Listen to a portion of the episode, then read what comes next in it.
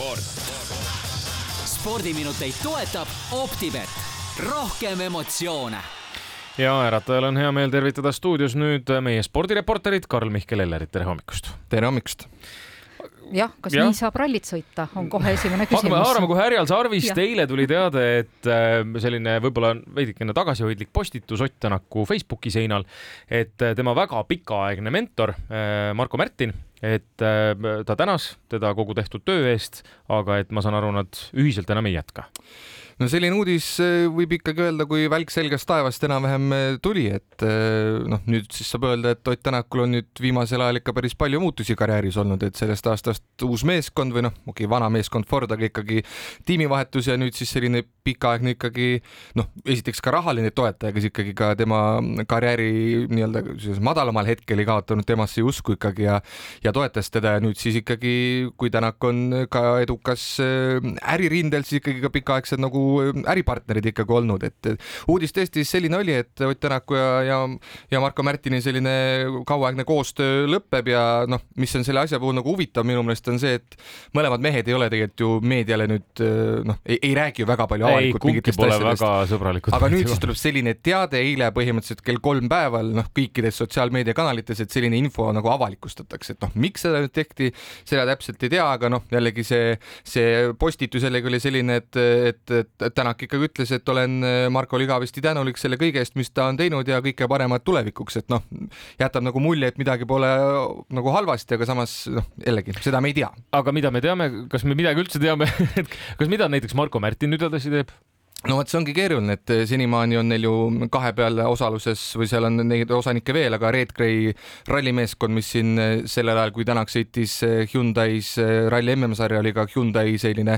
noh, juuniormeeskond siis, täitis nende ülesanded, aga nüüd, kui Tänak läks M-sporti, siis ka see leping lõppes ja ja nüüd siis Märtin ka väidetavalt sellest Red Gray meeskonnast on lahkumas või lahkunud, aga noh, Red Gray tiim kindlasti oma tööd jätkab, Tänakul on ka veel teine meeskond, OT Racing, et tegelikult ja noh, nii-öelda meedias on ka sellest varem kirjutatud, et neil mõlemal on ka ühised äh, ärid väljaspool rallimaailma jällegi, mis nüüd sellest siis saab, et äh, noh, et ei olegi nüüd, et selles mõttes ongi imelik, et selline teade tuli, aga noh, lõpuks nagu sellist ammendavaid vastuseid me ikkagi eile ei saanud ja no kas me üldse neid saame, seda me ka tegelikult ei tea, aga noh, selline, selline huvitav asjade,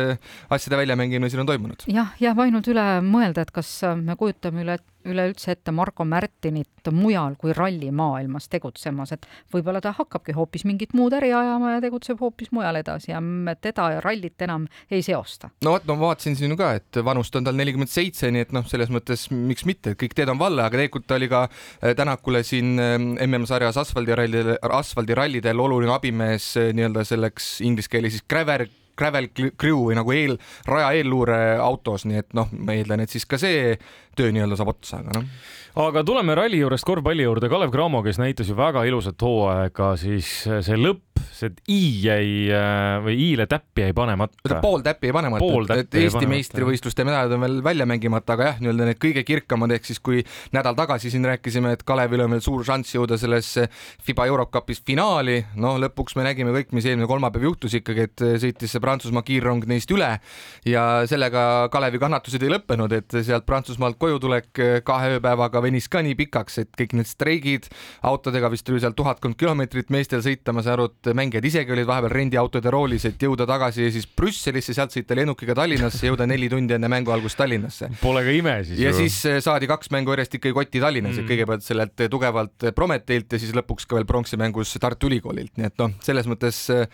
jah, ütleme, et nädalaga võib öelda, et nii-öelda kõrgelt pilvepiirilt vajuti põrmu, aga no jällegi, et see oli kõigest nädalaga ja ehk meeskond ikkagi nüüd Eesti meistrivõistluste mängudeks ennast rehabiliteerib ja no tuleb ka arvestada ikkagi, et ka sellise uue Kalev Cramo jaoks on see esimene hooaeg, et vähendatud eelarve, uus peatreener Heiko Rannula näol, palju uusi mängijaid, noori Eesti mängijaid, kes on tulnud skeenele, et ma usun, et see kõik nädalaga on nüüd tümaks tehtud, et meil käis siin ju viis tuhat pealtvaatajat või rohkemgi Tondirabas Kalevi mänge vaatamas, et see kindlasti näitab, et Eesti korvpallifännide usku sellesse suurde suurmeeskonda on ja eks ole näha, mis, mis järgmisel hooajal saab, aga nagu öeldud, siis see hooaeg pole ju ka veel läbi. Baskonia klubi on saanud omale ka hulgaliselt Eesti fänne juurde. ehk siis, et noh, Eesti korvpalluritesse meil ikkagi usku on. ja täpselt nii on, et äh, Hispaania kõrgliigas siis Eesti korvpallikoondislaste Maik-Kalev Kotsar ja Sander Raieste koduklubi Baskonia tõusis seal äh, liidriks nädalavahetusel. et äh, noh, võib-olla ka, et nüüd ei ole kõige märgilisem asi, aga ikkagi seal on mitu suurklubi veel, jalgpalliski tuntud Barcelona ja, ja Real Madrid, et nendest ollakse seal eespool, aga Baskonia kindlasti praegu veel sellel nädalal, neljapäeval tuleb ülioluline mäng, kui mängitakse olümpiaakosega ja see on Euroliiga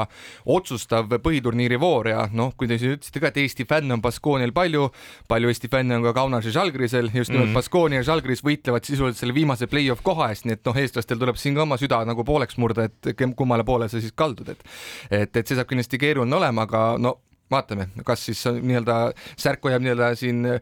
Baltikumi lähemale või ikkagi eestlaste poolele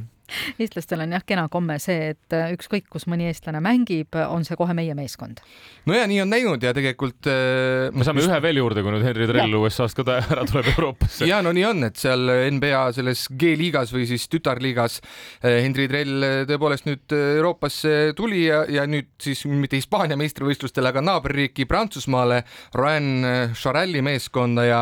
ja tema eesmärk on siis seal, et aidata see meeskond play-off'i, nii et noh, tuleb ka sinna, kui no ikkagi kõrge klassiga välismängija, et Ameerikas eh, seal NBA tütarliigast endale nime on teinud, statistikat head on näidanud, et eks nüüd ole näha, kuidas ta üle, üle pika aja nüüd siin Euroopa korvpallimaailmas nagu hakkama saab ja kui ta seal suudaks õnnestuda meeskonda aidata, siis, eh, siis miks mitte mõne, mõne hea lepingu järgmiseks aastaks sõlmida, aga noh, siin ikka flirditakse natuke ka selle NBA-ga, aga eks selle NBA-ga on ka keeruline, et sa võid ju selle lepingu saada, aga noh, see ei garanteeri sulle mitte mingisugust varianti, et sa seal väljakulegi pääsed, et siis sa oled lihtsalt selle meeskonna omand ja nad teevad sinuga, mis nad tahavad mm. -hmm. no enne kui kui me läheme õhtuste jalgpallikohtumiste juurde, siis tegelikult tennisest me ei ole ka vist ammu rääkinud ja, ja samas äh, Eesti tennisistid ju väljakul käivad. ja no nüüd on sellest, selleks kindlasti põhjust, sest et äh, paljudele kindlasti on tuntud nimi Fed Cup, kus siis mm -hmm. naised siin äh, mängivad või naiskonnad nii-öelda oma, naismängijad oma riiki esindavad, nüüd on selle nimi Billie Jean King Cup, eks see nimi on muudetud ja selle turniir, Euro-Aafrika tsooni teise grupi turniir toimub praegu Portugalis ja Eesti naiskond on seal väga tugevas koosseisus esindatud esindatud ja eile alistati ülikindlalt, kõikides mängudes võideti Lõuna-Aafrika Vabariiki, aga mis on oluline, on see, et kahekuuliselt vigastuspausilt naases nüüd meie nüüdne teine reket, Anett Kontaveit, kes siis aasta eest oli veel maailma teine number, aga nüüd on maailma kuuekümne üheksas number ja aga temal ei olnud seal mingit probleemi kuus-üks, kuus-null võita maailma neljandas sajas asuvat Lõuna-Aafrika tennisisti, nii et selles mõttes hea nii-öelda noh, tagasitulek või vigastuselt tagasitulek, aga nagu öeldud, neid mänge on seal Portugalis veel ees ootamas, täna on vastaseks Eesti naiskonnal Kosovo ja veel kohtutakse Leedu, Gruusia ja Iirimaaga, nii et tennises ka kindlasti siin ähm, tuleb pöidlaid hoida ja siis, kui need äh, nii-öelda riigi esindamise turniirid ühele poole saavad, siis jällegi olemas ju varsti ootamas meil järgmised suurturniirid ka, nii et vaatame, kuidas seal meie Eesti naistel läheb. US Open peaks olema järgmine vist äkki. ei, see jääb ikka meil hooaja lõpupoole, nüüd peaks tulema Pari-, French Open minu meelest. vabandust, French Open ja siis on Wimbledon ja siis US Open. ja nüüd siis Umbes kõigile, kõigile neile, kes ootavad kodus ukselink peos ja enne ei saa välja minna, kui meistrite liiga jätkud ka räägitud. no ja meistrite liigas nüüd jõuavad need kõige põnevamad äh, mängud juba hakkavad lähemale jõudma, nüüd siis täna algavad Eh, veerandfinaalid